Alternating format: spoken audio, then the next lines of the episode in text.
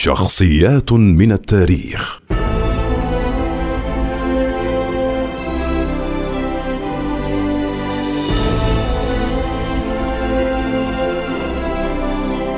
امرؤ القيس.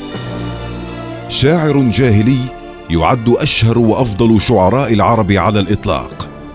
يماني الأصل ولد في نجد. كان أبوه ملك أسد وغطفان. وقال دبليو اي كارلستون عن امرؤ القيس في كتاب من تحريره وتقديمه عن الشعر العربي. كان ابن حجر بن الحارث اميرا من قبيلة كنده اسمه الحقيقي صندج. سمي امرؤ القيس لكثرة ما ألم به من مصائب. قال الشعر فأبعده أبوه إلى حضرموت وهو في نحو العشرين من عمره. أقام زهاء خمس سنين ثم جعل يتنقل مع أصحابه في أحياء العرب. يشرب ويطرب ويغزو ويلهو. إلى أن ثار ابن أسد على أبيه فقتلوه. فبلغه ذلك وهو جالس للشراب فقال رحم الله أبي ضيعني صغيرا وحملني دمه كبيرا. لا صحو اليوم ولا سكر غدا.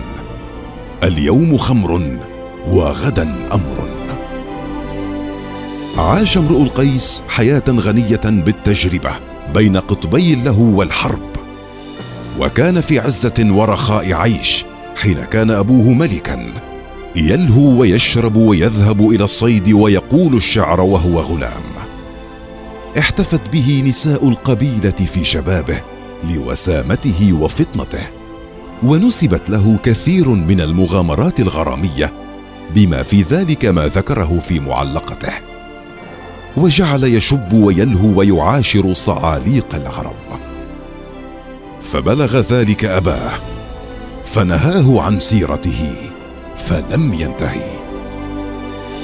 غضب والده عليه بسبب فضائحه وإفراطه في شعر الحب. فطرده. فصار يسير في أحياء العرب مع شذاذهم مواصلا حياة اللهو والشرب والأكل والغناء. بعد مقتل أبيه حرم على نفسه الخمر والنساء حتى يأخذ بثأره وواصل السعي لاسترداد الملك المفقود. وتكشف سيرة امرؤ القيس جوانب تاريخية مهمة من تاريخ القبائل العربية في تلك الحقبة. من اليمن إلى أواسط شبه الجزيرة وشمالها. وتتضمن صورة من صور الصراع المحتدم بين الروم والفرس وعملائهم من الغساسنة واللخميين. كان امرؤ القيس قد طاف في طول شبه الجزيرة وعرضها باحثا عن أنصار لدعمه في سعيه للثأر لأبيه واسترداد ملكه أو هاربا من أعدائه. فاستنصر بعدد من قبائلها فخذله معظمهم.